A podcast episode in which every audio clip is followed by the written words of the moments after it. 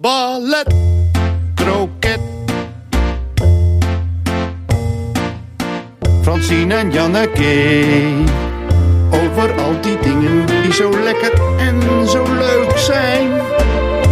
Ballet, kroket, culinaire zaligheden, culturele wetenswaardigheden en ook nog met live publiek erbij.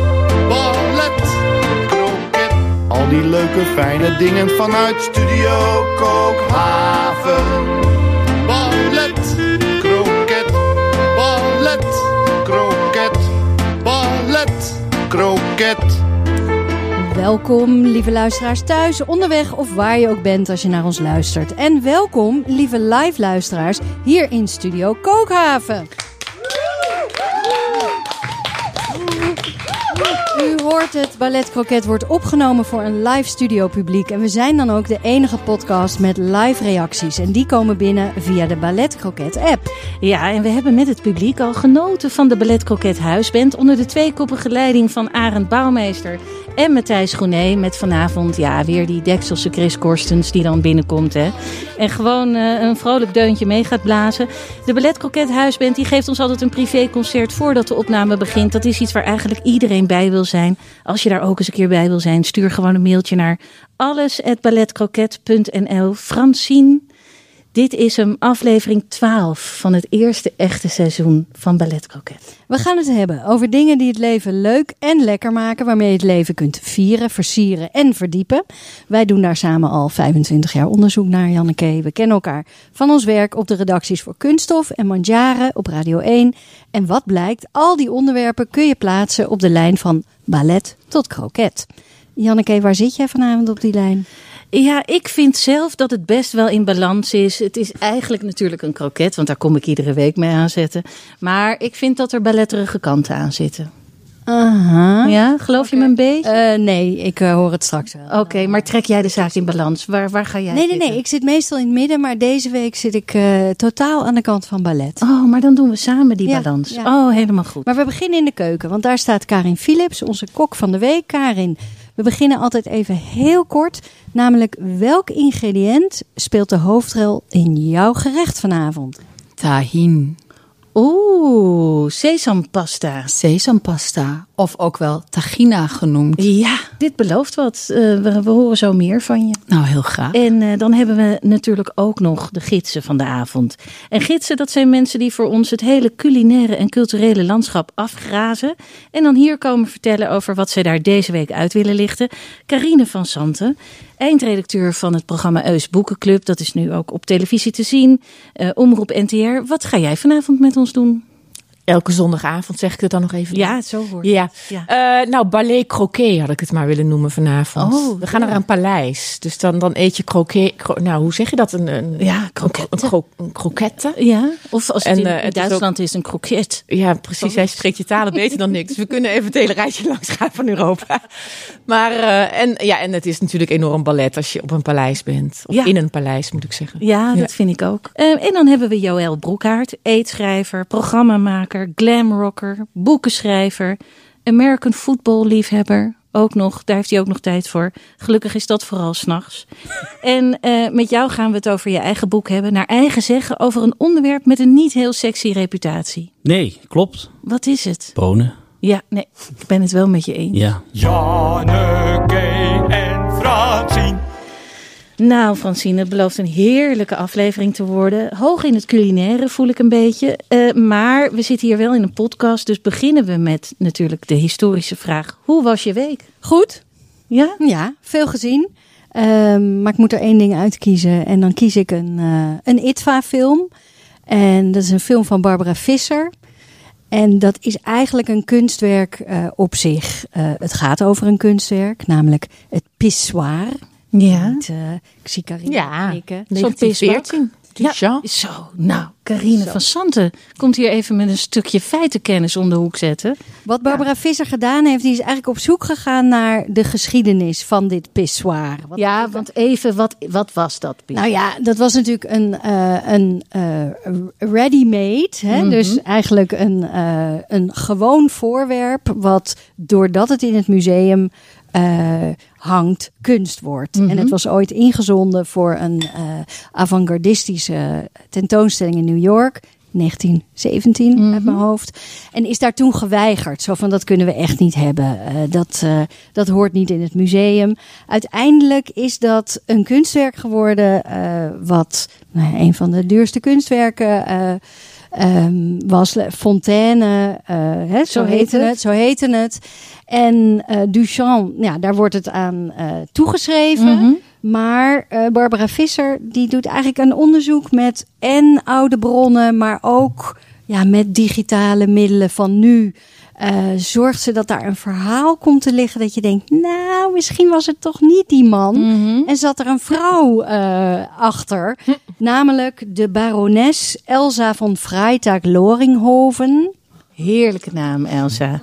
En Ja. zij, ja, zij, zij komt eigenlijk met allemaal bewijzen en met oud materiaal. Eh, ja, je, je wordt helemaal meegenomen daarin. Het is vi- visueel een heerlijke, ja, het is een arty film, dat kun je wel zeggen. Eh, maar ja, ik werd er toch heel makkelijk in meegenomen. Doordat het gewoon heel origineel, heel verrassend. eh, niet een A tot Z eh docu, niet een A tot Z aanpak. Ja, heel fijn om naar te kijken. Er zit humor er, in. oh ja, nee, ik vroeg me ook af, word je er ook een beetje boos van? Dat er weer een man met iets aan de haal blijkt te zijn gegaan. Wat eigenlijk van een vrouw was. Nou, die boosheid zit meer bij jou dan. Ja, Ja. Nee, die boosheid heb ik niet. bij mij nu. Ja, je voelt hem nu. Nee, ik De werd er- barones is beroofd van een wereldberoemd... Ja, nee, ik eh, werd er niet boos van. Ik, ik was meer aan het kijken hoe goed ze het opbouwt. En ja, hoe, hoezeer ze je meeneemt in die zoektocht. Ze heeft er vijf jaar aan gewerkt. Nou ja, dat vind ik eh, sowieso een, een geweldig uh, ja, Ausdauer. Uh, dat ze, ja, dat, ze dat volbracht heeft. Uh, de partners, uh, de producent en uh, degene van de VPRO, die zeiden ook heel vaak met Barbara Visser: Weet je, in het begin niet helemaal welke kant het op gaat. En je moet er dan dat vertrouwen geven. En dat geven we er heel graag, want het wordt altijd iets bijzonders.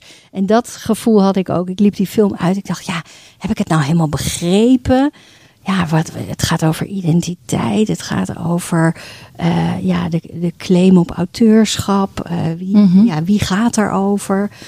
Um, ja, heb ik het helemaal gevat? Dat weet ik niet. Maar ik heb een prachtig verhaal gezien. En er zijn een aantal thema's aangeraakt. En je gaat gewoon nadenken over inderdaad, wanneer, wanneer is iets kunst? Mm -hmm. ja, uh, hè, zet er een stolp overheen. Het is mooi vormgegeven. Uh, hoe werkt dat eigenlijk? Ja. ja. Nou ja, het is eigenlijk een vraag ja, ook is... voor hier aan tafel. Ja, ik vind... Wanneer is iets kunst? Carine, doe jij eens een... Ja, moet ik dat zeggen? God voor de boel. Ja. Voor jou? Ja. Nee, maar de, die vraag is natuurlijk altijd, wat voegt kunst dan toe aan het leven? En kunst is volgens mij iets wat je op een andere manier naar de wereld kan laten kijken. Het, het, het ontstijgt het alledaagse. En het kan je hart beroeren, het kan je hoofd op hol doen slaan, het kan je uh, oren uh, op een andere manier laten luisteren. Het is volgens mij het, het, het, het uh, ja, zoiets. Mhm. Ja. Ik vind het ingewikkeld hoor, om echt kunst te omschrijven. Maar dit is wel de functie van kunst in ieder geval. Ja. ja. En voor jou, Joël? Um, nou, ik vind het eigenlijk wel een mooi. Het is namelijk een hele brede definitie die je geeft. Als, je de, als, als, het, als het as simple as that is, kun je namelijk ook gewoon van een volksliedje uh, je hart laten beroeren of iets dergelijks. Of ik uh, ben een enorme uh, cheesy sucker voor country muziek. En dat is echt hele, dat is, bedoel, hele simpele thematiek. Over het algemeen gaat het of over je pick-up truck of over dat je vrouw weg is. Mhm. Mm -hmm. En um, maar de hele, hele, hele uh, virtuoze muzikanten. En als ik daar lekker in zit, dan kan mij dat bijna soms tot tranen roeren. Omdat het zo authentiek is.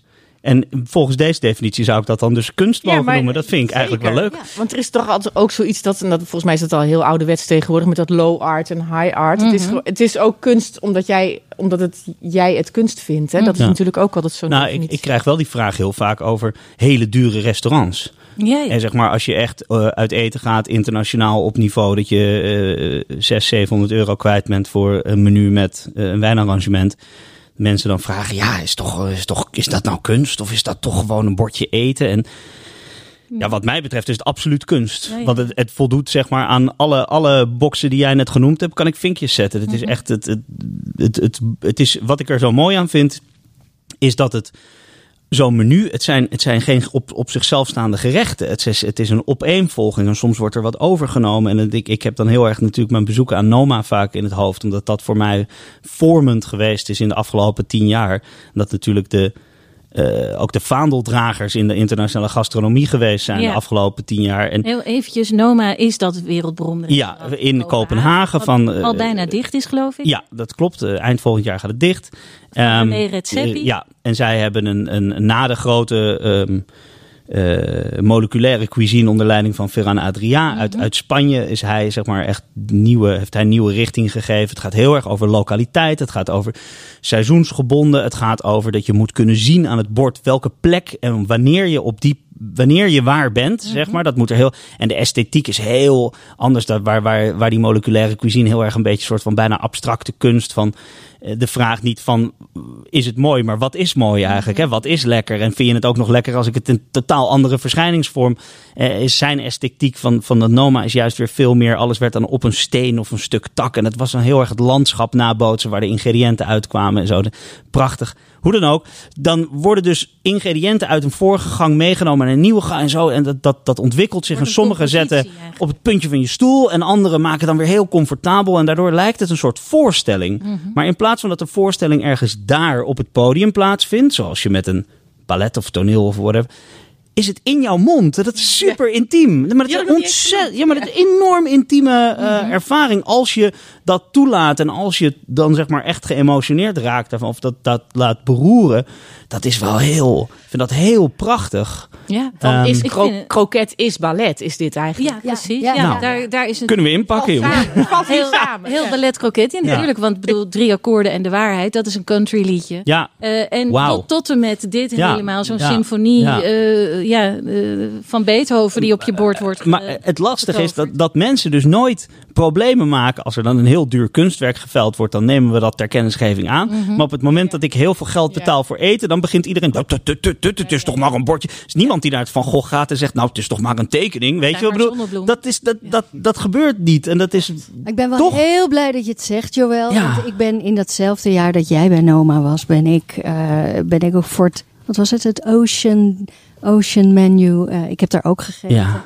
En ik Er is een andere ook- Francine teruggekomen. ik kwam anders terug. Ik Nou, had echt, een, wel, ja. echt zo'n diepe ervaring eh, door dat menu in eh, Noma. Maar ik merkte ook dat mensen ja, vonden het echt een beetje raar. Maar mensen hebben er last van, denk ik. Dat is mijn enige wat ik kan.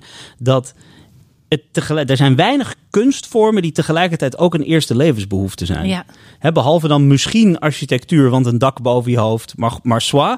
Ja. Maar er zijn eigenlijk, er is, je, je, hebt niet, je hebt het niet, ik bedoel misschien dat voor je geestelijke gesteldheid heel fijn is om af en toe een, een mooie schilderij te zien, maar je hebt het niet nodig om te overleven. Eten moet je wel. En ik denk dat daarbij heel veel mensen een soort error ontstaat in hun hoofd. Ja. Dat dat moeilijk te, Ja, het, is, het is ook vergankelijk, hè? Ja. De theatervoorstelling of film, nou film niet, maar theater is ook vergankelijk, maar Ja. dat is iets minder duur dan zomaar. Dus de, de Maar prijs opera is wel de- ook heel duur bijvoorbeeld.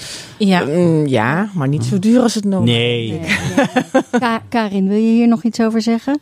Nou, ik ben wel onder de indruk van eh, wat jij vertelt. En ik, ik voel het in mijn mond. En het bijzondere is, ja, het klinkt misschien heel banaal. Je eet het op, maar het blijft dus nog een tijdje bij je. Kijk, de wc waar het uiteindelijk in belandt, die hang je aan de muur. En dan zijn we, Ja. zijn we helemaal bij jou. eh, De cirkel is rond. Maar wat Ja. voor mij eh, vooral belangrijk is, als we het dan hebben over kunst, is dat je verbaasd wordt. Dat je denkt, Ja. huh? Ja, beroerd. Beroerd en Ja. verbaasd en aangeraakt. Maar even Janneke, Ja, eh, heeft iets jou beroerd? Deze week. Ja, nou ja, ik, eh, ik, er is een serie. Je weet, ik zit altijd met series. En ik zit nu ook weer met vijf series. Maar er is één serie die loopt ook al een tijdje met me mee nu. En daar dacht ik eerst van, nou, ik vind hem niet zo in balans. Maar nu eh, wil ik het toch over hebben. Het is de serie Lessons in Chemistry op Apple TV+. En het gaat over een kookprogramma op televisie. En dan uit de jaren 50. En het voelt alsof het een biopic is. Zo'n film over iemands leven. Het gaat over Elisabeth Sot. Eigenlijk een briljant scheikundige. Maar ze belandt op televisie in zo'n poederroze keuken in de jaren 50. Om huisvrouwen te leren wat ze moeten ver- serveren voor Supper at Six. Want zo heet dat programma. En het voel, ik dacht, oh, dit is een soort Julia Child. Alleen ik ken haar nog niet. Uh, dus ik ging meteen vrolijk uh, Wikipedia op. Maar er stond op dat ze een fictional character is uit een boek. Uh, uit 2021 of zo. Een heel recent boek nog. En daar is nu dus al een serie van gemaakt met Brie Larson in de hoofdrol. En het speelt zich af in de jaren 50, jaren 60. Seksisme speelt een hele grote rol. En racisme ook. Het is ook de opkomst van de burgerrechtenbewegingen in, in de Verenigde Staten. Ja, en zij is dus een, een scheikundige op het niveau van genieën. Zij ontdekt op een gegeven moment waar, ja, eigenlijk hoe DNA, dat, dat hele verhaal, dat begint zij eigenlijk te ontdekken in haar eigen laboratorium, waar ze alleen maar mag werken als assistent, maar waar ze na kantoortijden haar eigen onderzoeken doet. En waar ze eigenlijk briljanter is dan iedereen die daar rondloopt. Dat zijn Want allemaal mannen. allemaal mannen. Ja, Mhm. het zijn allemaal mannen. Maar dan komt er natuurlijk één man en die heeft een heel gek lokaal daar in dat laboratorium. En dat is de grote genie. En uh, die heeft net een aantal ontdekkingen gedaan waar, waarvoor zij hele grote subsidies krijgen van de overheid. Waar eigenlijk dat hele laboratorium op draait. En uh, ja, die twee die vallen natuurlijk voor elkaar. Dat snap je meteen. En dat, daar hou ik altijd van. Dat zijn mensen die eigenlijk helemaal geen tijd of ruimte hebben voor de liefde. Maar dan, ja, dan slaat dat toe. En um, hij is eigenlijk de enige die ziet hoe briljant zij is. En uh, nou ja, goed, uiteindelijk lukt het dus niet, die carrière van haar. Ook bij dat, bij dat laboratorium niet. En zo belandt ze per toeval, omdat ze ook heel goed kan koken. Uh, op die televisie. En daar gaat ze eigenlijk stiekem haar zendtijd, of stiekem, ze doet eigenlijk niks stiekem, ze doet gewoon oud en opend, gaat ze haar zendtijd gebruiken om vrouwen uh, over scheikunde te leren. Want koken is scheikunde. En zij kan dus precies uitleggen hoe, ja, hoe moleculen uit elkaar vallen en weer bij elkaar komen in al die gerechten die ze maakt. En dan komt ze met zo'n perfecte kip aanzetten met een schortje voor. En dan zitten al die huisvrouwen met een kladblok en een dat allemaal op te schrijven. En langzamerhand boort ze iets aan bij die vrouwen van ja, we kunnen eigenlijk meer dan we worden geacht te doen in ons leven. Ja, um, het is dus, het zou een heel pamfletistisch werk kunnen zijn, want het is een soort rewriting history. Want die vrouw heeft dus nooit bestaan, dit is nooit in het echt zo gebeurd. Maar als ze had bestaan, dan had zij iets gedaan in de bevrijding van de vrouw. Um, en uh, ja, dat is gewoon heel aanstekelijk om te zien. Het is een soort, ja, wraak nemen op hoe het daadwerkelijk was. Want dat seksisme en hoe alledaags dat in het leven van een vrouw zat die wat wilde. Ja, dat, dat is niet om aan te zien. Daar word je helemaal gek van. Het is echt van, uh, weet je, dat ze, dat ze wel wat meer mag glimlachen van haar baas. Dat haar baas dat gewoon zegt in een gesprek. Van nou, zo erg is het toch niet om af en toe even te glimlachen.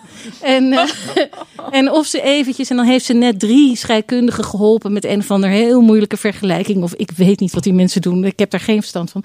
En dan moet ze even voor de hele afdeling koffie gaan zetten. En uh, nou ja, het is, ze moet meedoen aan een misverkiezing van het kantoor. Nee, het is allemaal en moet je vooral lachen of word je er boos van? Ja, een beetje daartussenin. En het is net een beetje gestileerd, cartoonesk-achtig gefilmd. En het lijkt, voor de mensen die die serie hebben gezien, uh, lijkt het op The Queen's Gambit. Dat is een oh, film ja. van een paar, of serie van een paar jaar geleden, waarin een meisje, een weesmeisje, ineens een briljante schaker ja. blijkt te zijn. En eigenlijk vergelijkbaar, ook die heeft niet echt bestaan. Maar ook die serie voelde alsof het over het leven van een echt iemand ging.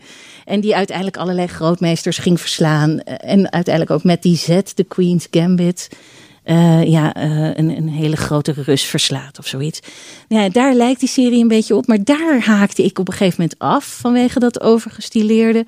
En hier ja, wil ik toch elke week weer kijken hoe het verder gaat met Elisabeth in haar poederroze keuken. Heerlijk, ik wil hem ja. kijken. Sounds Waar, awesome. Ja, ja, klinkt goed. Zeg nog even waar we het kunnen zien. Ja, op Apple TV Plus. En hij heet Lessons in Chemistry. Wat komt nu? Wat komt nu?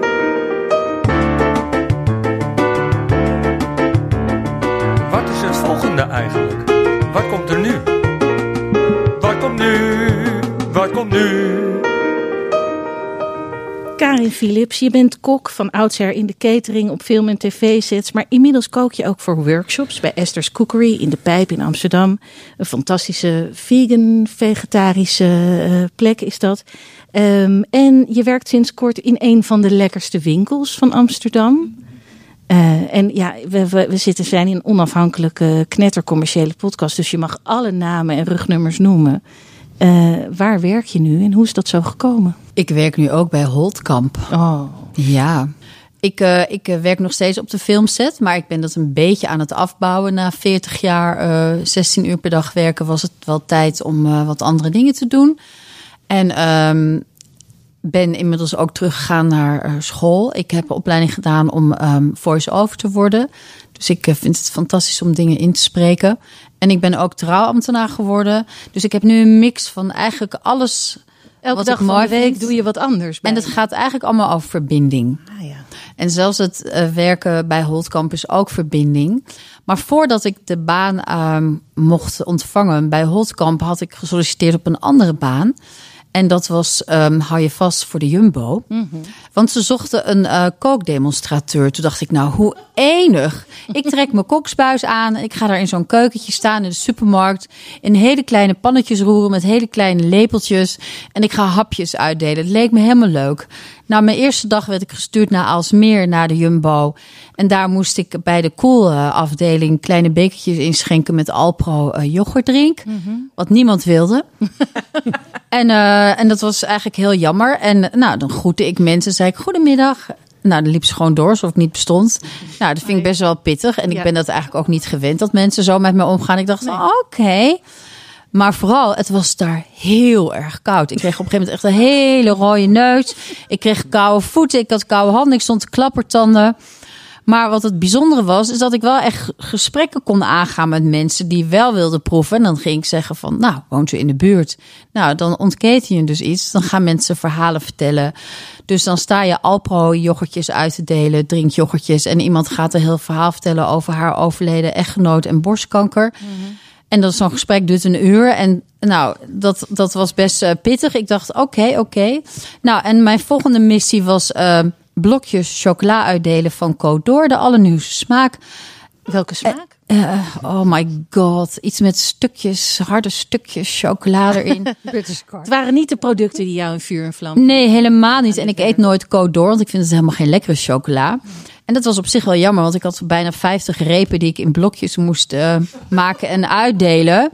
Maar ja, ik stond daar dus. Eh, ik moest dat eigenlijk in zo'n ding om me heen hangen, wat je Ja. dus ook hebt in de bioscoop. Nou, dat wou ik niet, want dat vond ik stom. Want ik dacht, ja, dan ga ik praten met mensen ook om mijn speeksel op die chocola. En daar ben ik dan te veel chefkok voor. En ik dacht ook, ik wil niet dat die mensen met hun handen in die chocola gaan. Dus Nee. ik had een tangetje mee van huis. Ik had die dingen doorgeknipt. Ik had die bak met die chocola op een... eh, En je ging dat Op een clean uitdelen. ik ging het clean uitdelen, maar dat, eh, dat, daar maakte ik wel contact mee. Want iedereen wilde wel een stukje chocola. Maar ik kwam er heel snel achter dat mensen het niet wilden kopen. Zelfs niet in de aanbieding, omdat het gewoon te duur was. Ja. Nou, en dan kwamen er van die hele lieve oude dametjes met een rollator. En die zeiden, ja, ja, nee, koop dat niet, want het is echt te duur. Toen zei ik, nou, ik zei, oké, hier, neem maar een hele reep mee. Doe je tasje maar open. En ik had bij de kassa had ik een hele rol met eh betaald stickers opgehaald. Want ik wist dat ze wist die daar hadden. Ja, dat is een rode sticker, daarop staat betaald. Want als je bijvoorbeeld in de Jumbo werkt en je koopt iets... dan krijg je zo'n sticker op je broodje of Ah, ja. op je bakje Oh, filet Amerikaan... zodat je dat achter in de kantine op kunt eten. Dus ik had die stickers al gespot. Dus wat ik dan deed, ik haalde de buitenkant eraf... en ik plakte betaald op dat aluminiumfolie eh, wat om die chocola zat. En ik deelde dat gewoon uit aan al die schattige oude mensjes. De Jumbo kan meeluisteren. Ja, het spijt me jongens. Nee, maar als de Jumbo wil sponsoren, want kijk, die oude mensen die jij allemaal een reep hebt gegeven, die komen nu natuurlijk de hele week terug om te kijken of jij er weer bent. Ja, maar ik was er niet meer. Nee. Want eh, de week daarna mocht ik dan eindelijk koken. Dus ik moest een een of ander gammel klein fornuisje in een vieze lift naar beneden trekken. Want er miste een wieltje. en toen was ik eindelijk op mijn plek van bestemming met mijn schreven, met mijn schreven kar, mijn schreven keukentje. En ik moest op zoek naar stopcontact. En eh, nog voordat ik het vuur had ontstoken om lekker gnocchi te gaan maken met basilicumsaus uit een potje Ja. stonden de mensen dus allemaal al te wachten. Dus ik zei, eh, sorry, maar ik moet nog beginnen. En bent u niet benieuwd wat ik ga maken? Nee hoor, dat maakt niet uit. Als je maar wel een beetje opschiet, want we hebben honger. Ah. En toen dacht ik, oh fuck, wat is dit nou? Ik had me dat zo anders voorgesteld. Dus ik als een speer aan de slag roeren op mijn elektrische kookplaatje. Nou, en ik, je hebt dus dan bakjes waar je dat in moet doen. En er was een mevrouw die werd heel boos. Die zei, dat bakje is veel te klein. En toen zei ik, mevrouw, u mag zoveel bakjes als, als u wilt. Nou, uiteindelijk had ze zes bakjes op. Zei ze, zo, ik heb geluncht, ik ga weer terug naar huis. En er waren een paar mensen die hadden hun rollator geparkeerd. Die waren daar lekker op gaan zitten. En die zaten naar mij te kijken alsof ik een of ander wonder aan het geschieden was met mijn gnocchi. En het was echt vreselijk. Ik voelde me zo diep ongelukkig. Nou, toen was er een mevrouw. En dus ik zei, mevrouw, wilt u misschien eens een aanbieding? Pak je gnocchi en een saus erbij van Gran Italia. Nee, zei ze, dat is allemaal veel te duur. Dat, eh, dat hoef ik niet. En bovendien ben ik alleen. Want mijn man is overleden. Ik denk, oh god, daar gaan we weer. Eh, dus ik krijg dat nooit op. En ik ga niet een hele week lang gnocchi eten. Zei ik, nou, dat begrijp ik hartstikke goed. Nou, ze wilde het wel proeven. Ze vond het wel lekker. En toen heb ik gewoon met een mesje een pakje opengescheurd. Ik had nog een heel pak met Ikea-zakjes in mijn handtas. Die heb ik namelijk altijd bij me.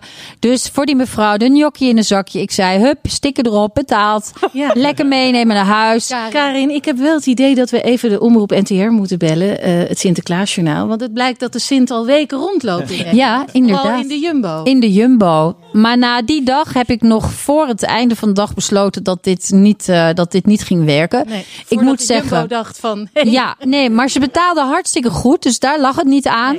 Maar wat ik zag was eenzaamheid. Ja. En ik moest er bijna van huilen.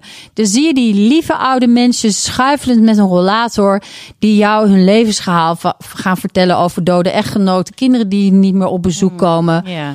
En mijn hart brak. Dit is een boek. Ja, dit is een boek. Dit is een boek. Als je, gewoon, als je dit twee maanden gaat doen en elke dag op Ja. zo'n andere absurde plek met zo'n, met zo'n dit is, dan kun je columns of, of een bundel of Nou ja, ik keek dus rond in de Jumbo en ik zag dat, dat de Jumbo heel groot was en dat ze dingen heel erg hadden uitgespreid. Ik dacht, nou, als je de dingen een beetje dichter op elkaar zetten, kan ik daar in die hoek een soort van Huiskamer. huiskamer maken waar al die mensen die toch hun boodschapjes doen, dus hun centjes daar brengen, kunt ontvangen. Ja. Dat leek me nou zo fantastisch, maar ja, dat gaat de Jumbo dus Jumbo. niet doen. Nee, dat Nee, gaat de Jumbo niet doen. De Jumbo, Francine zei het al, die luistert ook naar Ballet Croquet. Ja. En die gaan dit misschien nu wel doen. Nu ze horen dat heel het Nederlands publiek dit een fantastisch Ja, initiatief zou vinden. Je maar dit, staat ja, daarachter. maar dit heeft mij ik zo kom, ik geraakt. kom met zo'n ouderwetse typemachine daar dan in die huiskamer verhalen. Ja, zitten. helemaal goed. Dan doe ik Ja. de, ja.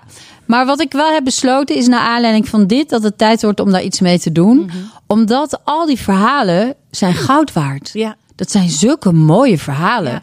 Niet over die dode mensen, maar gewoon verhalen over het leven. Ja. Deze mensen hebben verhalen die ze niet meer kwijt kunnen aan andere mensen. Nee. En dat is doodzonde. Dus ik heb besloten dat ik eh, diners ga organiseren. Waar mensen kunnen aanschuiven die eenzaam zijn of iets willen delen. En niet alleen maar omdat het eten gratis is, maar gewoon omdat het fijn is om, met elkaar te zijn. Ja. Omdat ik als cateraar 40 jaar lang en ook in de prachtige kooklessen die ik mag geven bij Esther. Ik merk altijd dat eten verbindt. Ja. Het maakt niet uit, het verbindt. Het is, ik, eh, ik, ik, vind, ik voel het helemaal. Jij ook, hè? Ik voel het helemaal en ik ben ook grote benieuwd. verbinding. Want ook hier eh, ga je de keuken in en gaan we straks wat proeven. Ja. Het gaat bij jou altijd over verbinding. Dus ik ben heel benieuwd eh, wat je ons straks voorzet. Ballet, kroket, ballet, kroket, ballet. We gaan naar onze eerste gids van de avond, Carine van Santen. Eindredacteur van het geslaagde boekenprogramma Eus Boekenclub. Nu te zien op televisie. Elke zondagavond NPO 2. Jij gaat zeggen hoe laat. 19,20 uur. Hoe gaat het met deze reeks? Ja, gaat heel goed. Ja. Ik zou zeggen, kijk en oordeel zelf. En voor ons ging je naar Paleis Soesdijk. Ja, ik ging naar Paleis Soestdijk. Want ehm, zoals jullie weten had ik ook al een warm hart voor Landhuis Automelisweert. Hè? Dat ligt in Bunnik en Paleis Soestdijk ligt in Soest. Een eindje verderop. Maar er waren toch wat, wat dingen die overeenkwamen. Wat heel grappig is. Dat eh, de rijke Amsterdammers...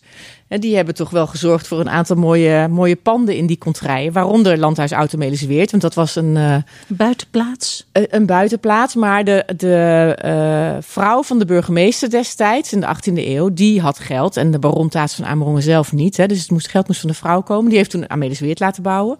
Soesdijk is gebouwd door eh, ook een burgemeester, een burgemeestersvrouw, Anna van het Hoofd. Het was ook een buitenplaats in die tijd. Het was een 17e eeuws pand. En, eh, Enorm groot voor een buitenplaats. nou, het- toen was het nog niet zo groot. ah, oké. Ehm, nou, en dan is er een, Er is nu een tentoonstelling. Die gaat over tien vrouwen. die belangrijk zijn geweest. in de 375 jaar dat dat pand daar nu al staat. Het begon dus met Anna van het Hoofd. Dat was die Amsterdamse eh, burgemeestersdochter, was het volgens mij zelfs. En eh, er is nog één belangrijke. Er zijn eigenlijk twee belangrijke vrouwen. drie belangrijke vrouwen. die bij deze tien vrouwen komen. Eén belangrijke vrouw is Maya. Eh, hoe heet ze ook weer van de achternaam? Ja, Maya Meijer heet ze.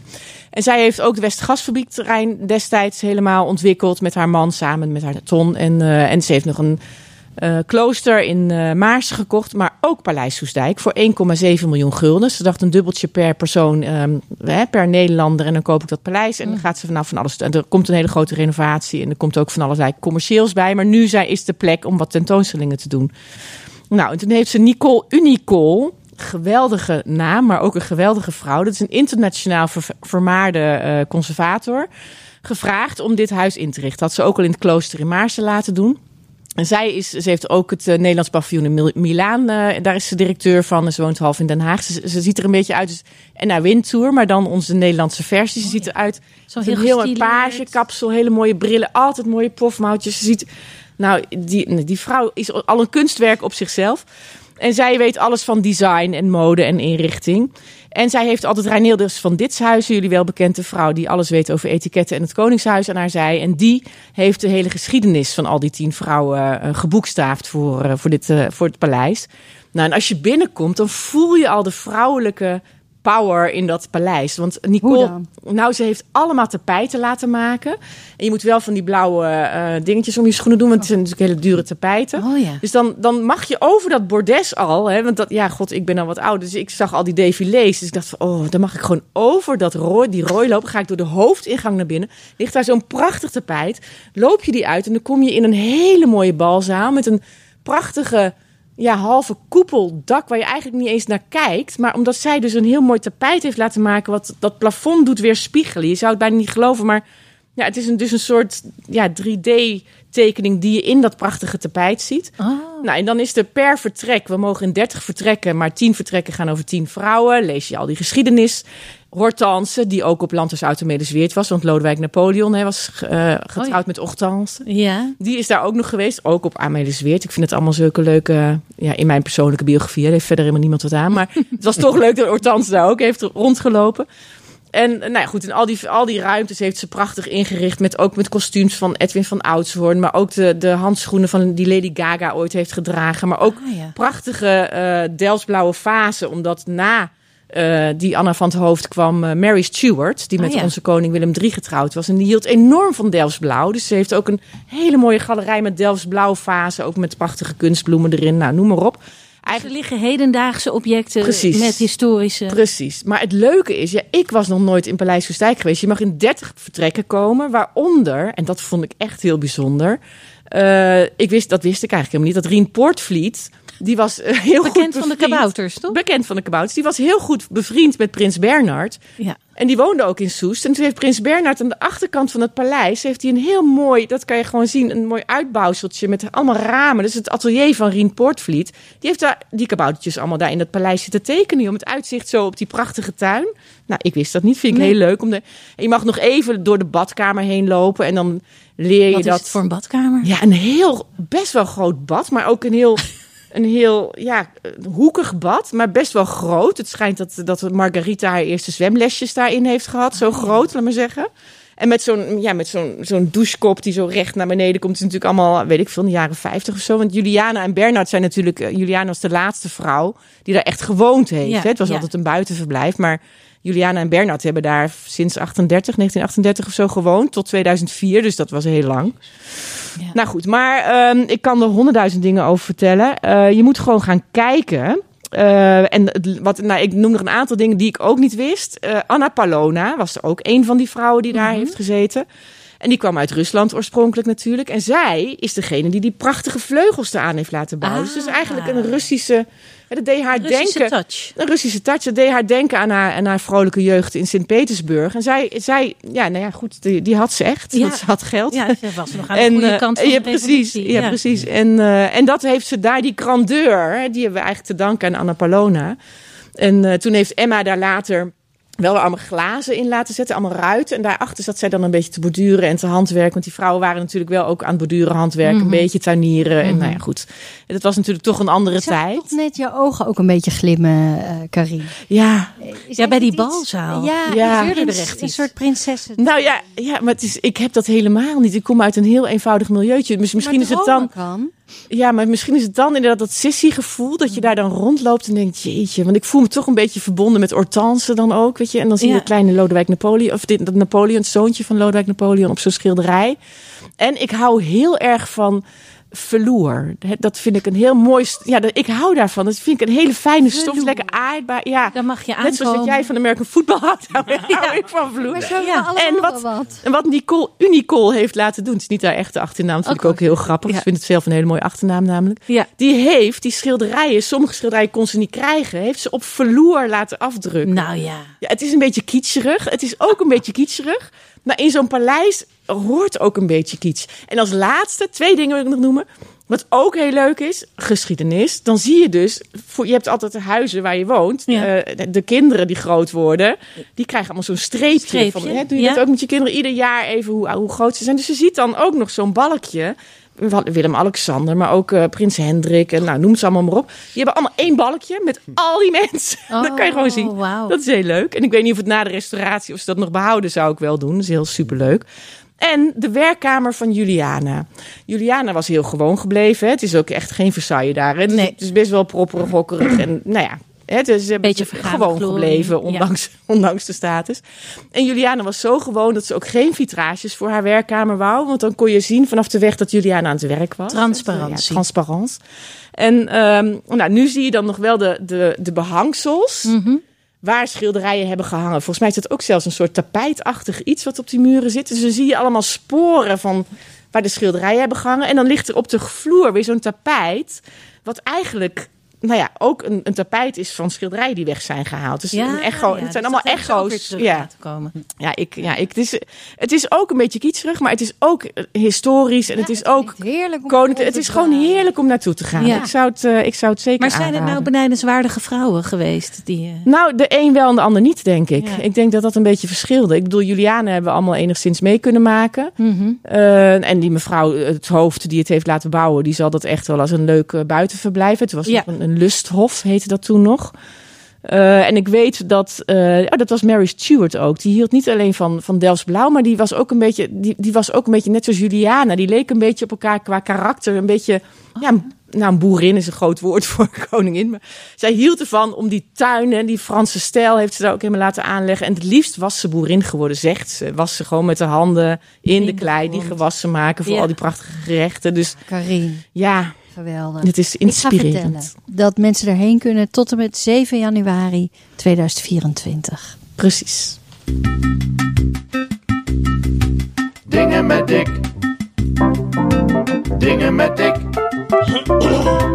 Dingen met dik.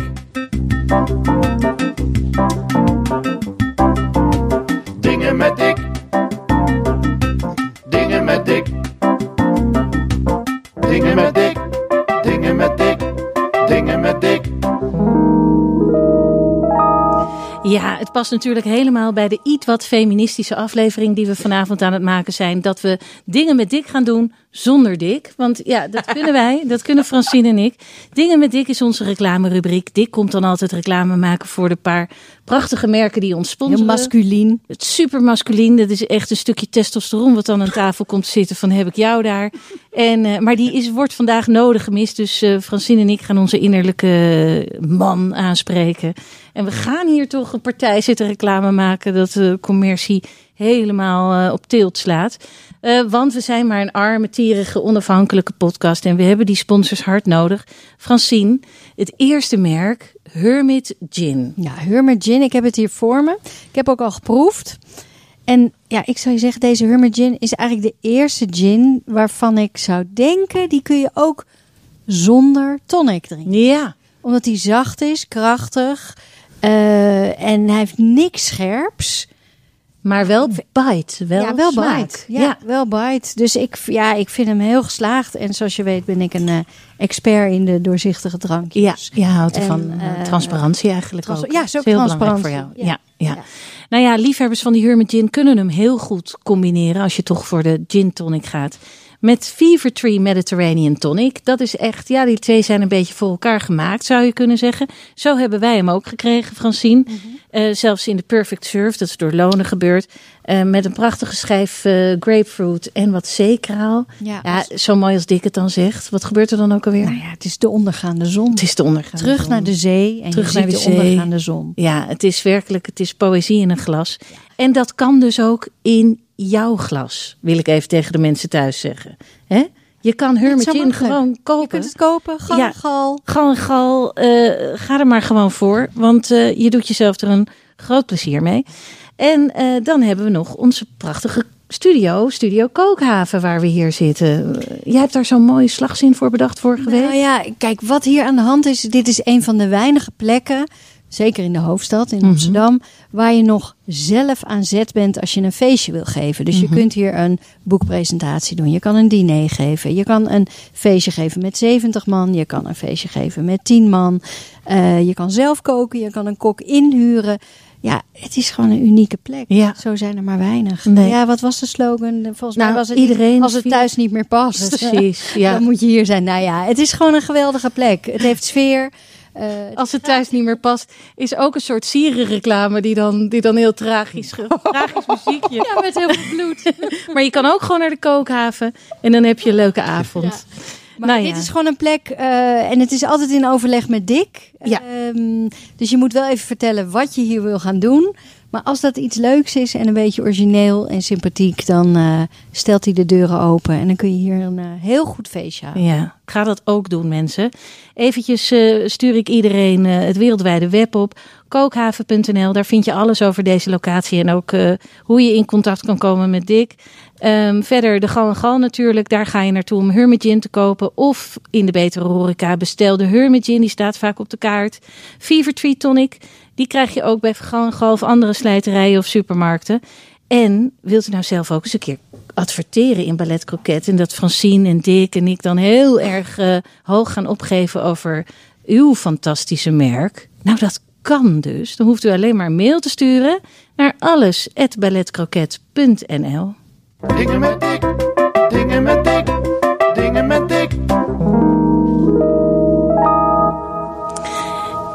Joël Broekhaart, even gevreesd als restaurantcriticus, als gevierd.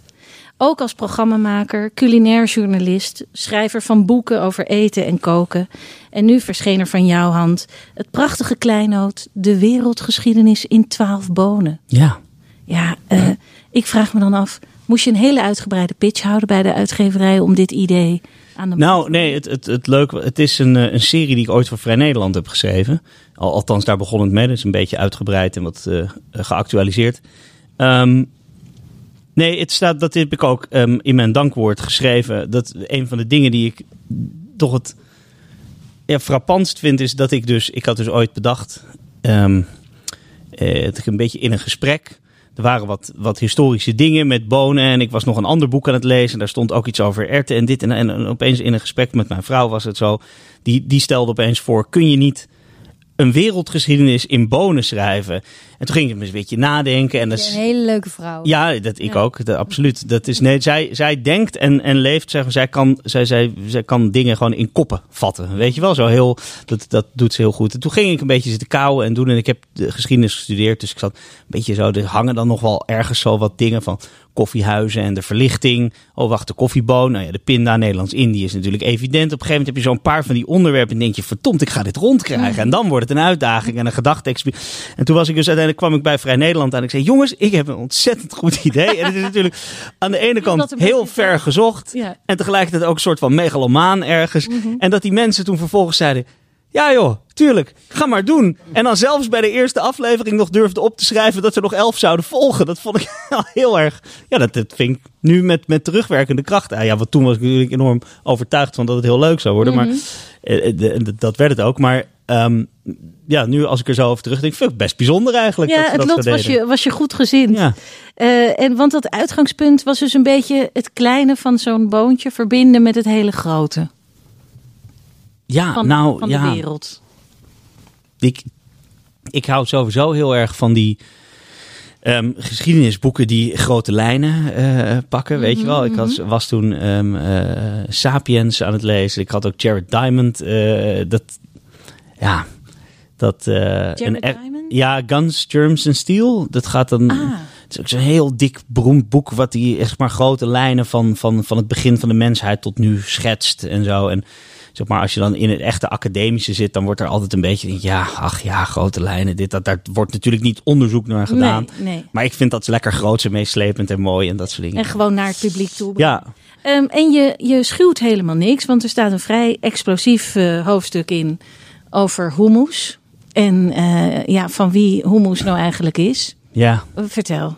En, en, en vind je het moeilijk om hierover te praten nu? Of gaat dat? Nou, ik vind het. eh, ehm, ik weet niet of ik het bijzonder gepast vind om in het licht van de gebeurtenissen van de afgelopen tijd nu een vrolijk verhaaltje te gaan hebben over al dan niet de culturele toe-eigening van Mhm. een kikkererwtendip. Uit Het het, is toch, ja, het is toch een beetje. ehm, maar het staat er wel in. Ik vond het, eh, wat ik er. ehm, kijk, dat vind, ik, dat vind ik denk ik leuk aan die verhalen. Dat ik gewoon dat.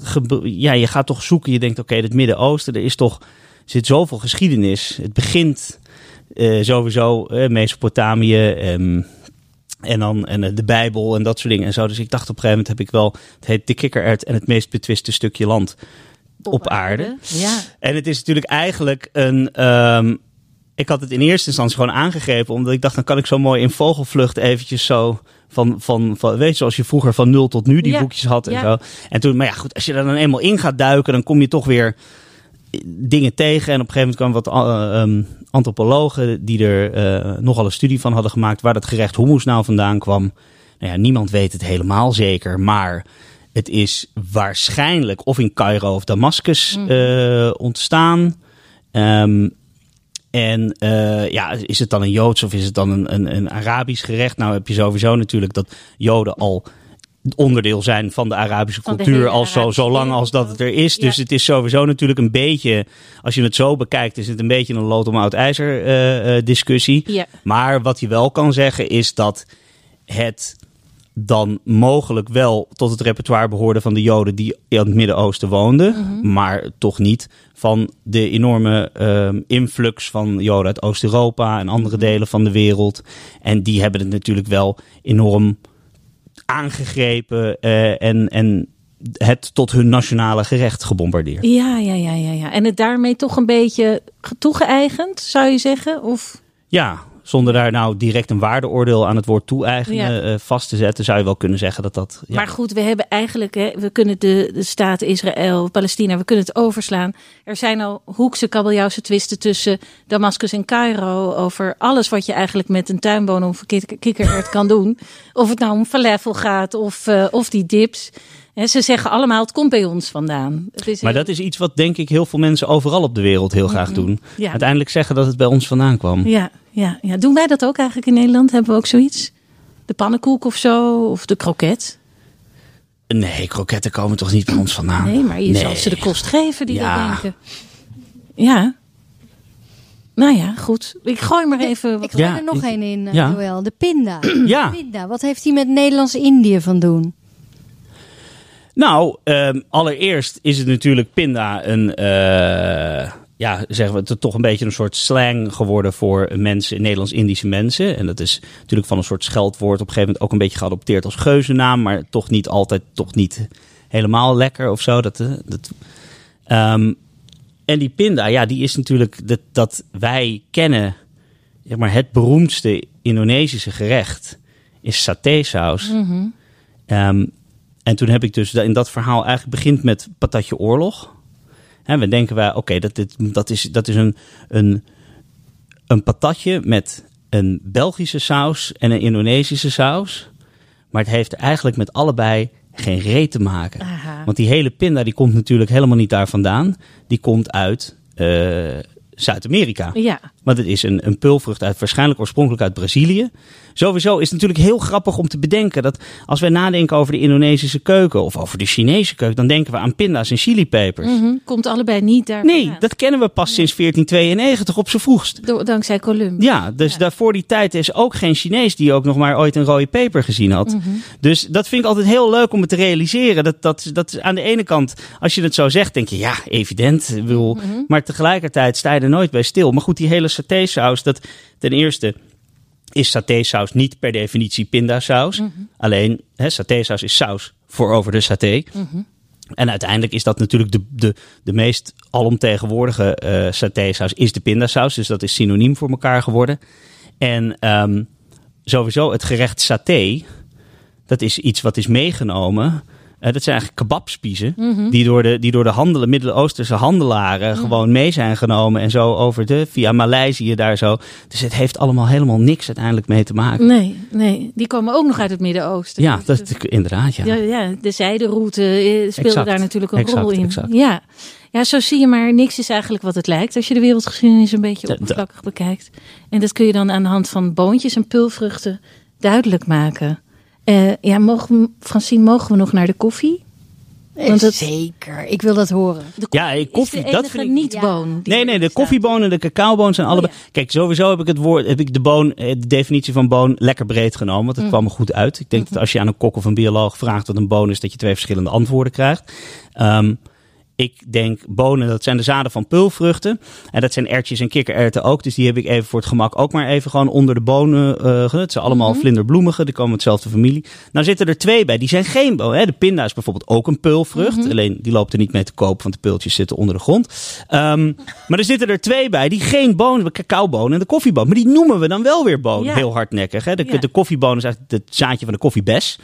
Ehm, dus daar heeft er niks mee te maken. Maar ja, eh, eh, we zeggen boon. En hij is ongelooflijk belangrijke rol heeft hij gespeeld in de wereldgeschiedenis. Ehm, namelijk met het, het, het, het, eh, de ontwikkeling van de, van de verlichtingsidealen en het, de opkomst van, van de verlichting. Daar hebben de koffiehuizen in Engeland een enorm grote rol gespeeld. Ehm, de koffie bereikte West-Europa een stuk later dan dat het al bekend was in de Arabische wereld. En dat was ongeveer dezelfde tijd dat, de, dat die verlichtingsideeën op begonnen te komen. En, en die ontstonden daar in die koffiehuis. Die koffiehuis, dat was iets nieuws. Dat kende men nog niet. Men had, hè, je had de, de privésfeer, dat was thuis. Je had de autoriteit, de kerk, het hof, de rechtbank, eh, zoiets. En dan heb je, had je natuurlijk wel de markt, daar werden zaken gedaan. En dan had de herberg, daar ging je heen om te eten of lam te worden. Maar er was niet zoiets als een, als een publieke, openbare sfeer zoals die koffiehuizen daar waren. Waar dan de intellectuelen, de hogere klassen samen konden komen. Om eh, tijdens het genieten van die koffie, die in de eerste paar jaar helemaal niet te, te boek stond als iets heel lekkers. Dat was nog niet... eh, Bittere drank. ja, dat was, nog, dat was totdat er goedkope suiker eh, beschikbaar werd. Was dat toch niet, daar, ze kwamen niet voor de koffie, zeg maar. En, eh, maar wat ze deden was daar discussiëren over het nieuws, kleine handgeschreven krantjes uitwisselen. Want dat was al- allemaal eigenlijk geheim, want de, de kranten, dat was gereguleerd door de kroon. Eh, want die zat niet te wachten op een sterke publieke opinie, maar die vormde zich daar dus wel. En er werden dus ook de, de ideeën van Locke en Voltaire werden daar besproken. En daar ontstond dus ook die stroming. En het is ook op die plek waar mensen samenkomen dat zo'n zo'n dat die ideeën ook kunnen worden omgevormd of aanzet tot politieke actie kunnen geven. En zonder die koffiehuizen had het mogelijk dus niet een Amerikaanse en een Franse revolutie eh, zich voltrokken. Misschien op een andere manier. Goed, hè, we mogen daar een beetje. Maar zoals het nu gelopen is, hebben de, heeft- heeft de koffieboon daar dus een enorm belangrijke rol in gespeeld. Nou, en terecht dat hij dan, ondanks dat hij Ja, maar dat- officieel geen boon is, toch in jouw boek terecht Ja. is gekomen. Ik snap die keuze helemaal. Ik ook. En het boek, het ziet er, het is ook een geweldig cadeautje. Dus het is, eh, en het leest heel lekker. Het is een prachtig uitgegeven boek eh, door Atlas Contact. Eh, het ziet er prachtig uit. Ik zou zeggen, eh, naar de winkel. Dankjewel. Ai. Wie is de kok? Laat mij eens spreken met de chef. Ai. Waar is de kok gebleven, chef? Ai. Waar ben je nu? Laat mij eens spreken met de chef. Ai. Wie is de kok? Ai. Wie is de kok? Ai. Ja, eh, Karin Philips die is weer terug aan tafel. Die is eigenlijk ook helemaal niet weg geweest. En die heeft hier nu iets voor ons neergezet. Ja, oneerbiedig zou ik kunnen zeggen. Het lijkt op een soort Ferrero Rocher bolletje. Eh, waar ze Nee, bij de andere. recepties van de ambassadeur altijd zo mee, eh, mee rondgingen. Maar, of nee, is het een ander? Ja, je hebt toch die, die, die, die, die, die kokos eh, Ferrero. Dat is, Ja, hoe de heet die kokos- nou? Ja, weet ik niet. God. Maar Ja, in maar ieder dat geval... komt het Raffaello. Rafael, Ja. dankjewel. Dat komt ook door dat bakje, door die kaas waar die in zit. Hè? Dus, dus nu weten de mensen een beetje hoe groot het is en hoe het Ja. eruit ziet. Maar het is natuurlijk eh, allerminst van een, een, een goedkoop chocoladeproduct uit de fabriek. Wat is dit wel? Nou ja, wat ik zo grappig vind, naar jouw verhaal te hebben gehoord over jouw fantastische boek. My goodness, het zit allemaal in deze bal. Ja. In De deze hele bal. wereldgeschiedenis? Ja, er zit tahin in. Dat wordt gemaakt van sesam. En er zitten pinda's in, maar er zitten ook eh, noten in. Er zitten pistachenoten in. Er zitten cranberries in. Er zit pindakaas in. Er zit tahin Oh. in. Oh, lekker. Er zit honing in. Er zit dadelstroop in. En dat, eh, dat kook ik in een hele grote pan. En dan voel ik me echt Anneke Tanneke Toverheks. Een pruttelende pan. En dat laat ik dan een beetje afkoelen. En dan druk ik het helemaal plat in grote bakblikken. Bakplaten, ja. En dan, eh, dan of ik snij de blokjes uit of ik draai de ballen van. En ik doe dit dus maken voor op de filmset. Ja, precies. Want daar, Ehm, daar hadden we het nog niet over gehad. Nee, want het is namelijk, ik noem het een energiebal. Want als je Zo. het opeet, Ja. ja, dan, Dan kan je er weer even tegen. dan kan je er weer even tegen. Joël Want je kan de stond, hele eh, nacht televisie kijken. Ja. Nee, ik vind het wel verschrikkelijk lekker. Maar Ja. ik wil inderdaad niet weten wat de calorische waarde van deze is. Nee, maar... Ah, dat valt op zich nog wel mee. Ja? Want kijk, op de filmset eh, is het altijd zo dat om vier uur dan eh zeggen ze... Hey, heb je het vier uurtje al klaar? Nou, dat is meestal een enorme grote trog met snoep. En een hele grote bak met rauwkost en fruit. En dit is mijn eigen initiatief, is mijn energiebal. En Hmm. ja, dat vinden mensen natuurlijk heel erg grappig. En, en bovendien is het natuurlijk heel leuk om zelf iets te maken...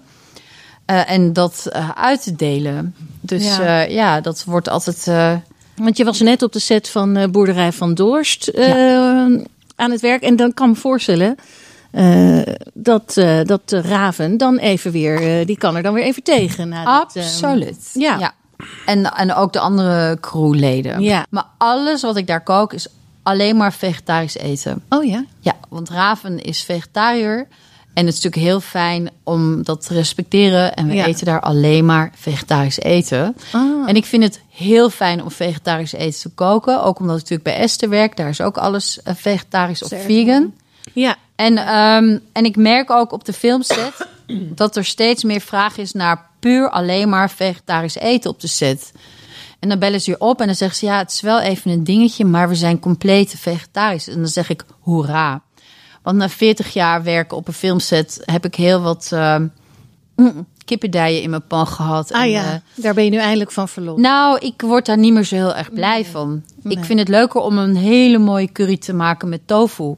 Want dat is zalig namelijk.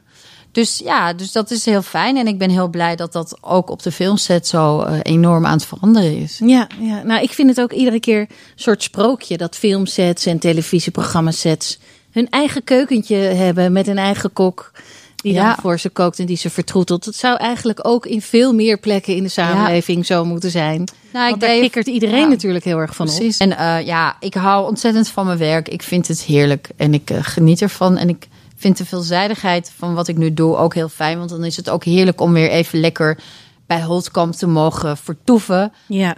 In die prachtige zaak met die prachtige taartjes, gebakjes en koekjes. En binnenkort misschien wel energieballen. We weten. nou, dat denk ik Het is een niet. kwestie van tijd. Maar wat ik wel heel leuk vond, ik had ze gepost op Instagram en Angela Holtkamp had ze geliked. En da- daar was ik natuurlijk Dat heel al- trots op. dat is ja, zeker. Is het een geheim recept? Nee, het is geen geheim. Maar dan wil ik je zo nog wel even spreken. Dat is goed. Oh, leuk. Ja, we gaan het ook delen dan. Als het, als het een, een, een toehabend recept is, dan willen we het ook graag absoluut. delen met onze luisteraars. Oké, ja, Francine, eh, we zijn de hele wereld over Ja. geweest, letterlijk. Geschiedenis. Van nul tot nu, nou zelfs van, van min 10.000 Ja, naar nu. En ehm, veel emoties ook meegemaakt. En heel wat vrouwen bevrijd hebben we. Ik bedoel, er zijn gewoon grote stappen gezet eigenlijk in deze historische aflevering van Ballet Croquet. eenzaamheid versus verbinding. Ja, nou ja, eh, ze zeggen altijd bij, eh, bij eh, All You Need Is Love, niemand mag met kerst alleen zijn. Maar bij Ballet Croquet ben je echt helemaal nooit alleen. Kerst of geen kerst.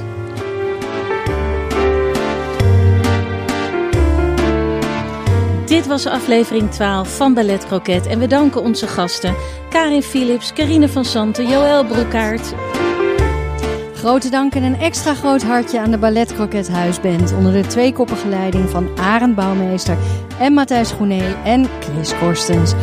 En even zoveel liefde voor Lone Palsen, de kok die uit het noorden kwam en ons vandaag verzorgd heeft. Kijk op shecamefromnorth.com voor al Lones activiteiten. En Ballet Croquet werd opgenomen voor een live studio publiek. En wilt u ook een keer komen kijken en genieten van live muziek en goede sfeer? Dat kan. Stuur dan een mail naar alles@balletcroquet.nl. En wilt u adverteren in onze podcast, dan kan dat ook. Mail alles at balletcroquet.nl. En is mailen niet helemaal jouw ding? Kijk dan op onze Insta, balletcroquet en slide in onze DM. Met grote dank aan de meest gastvrije Fries in Amsterdam, Dick Verweda van Studio Kookhaven. Wij gaan weer grazen. Tot volgende week. En onthoud, alles is ballet croquet. Zo, een nieuwe kroket.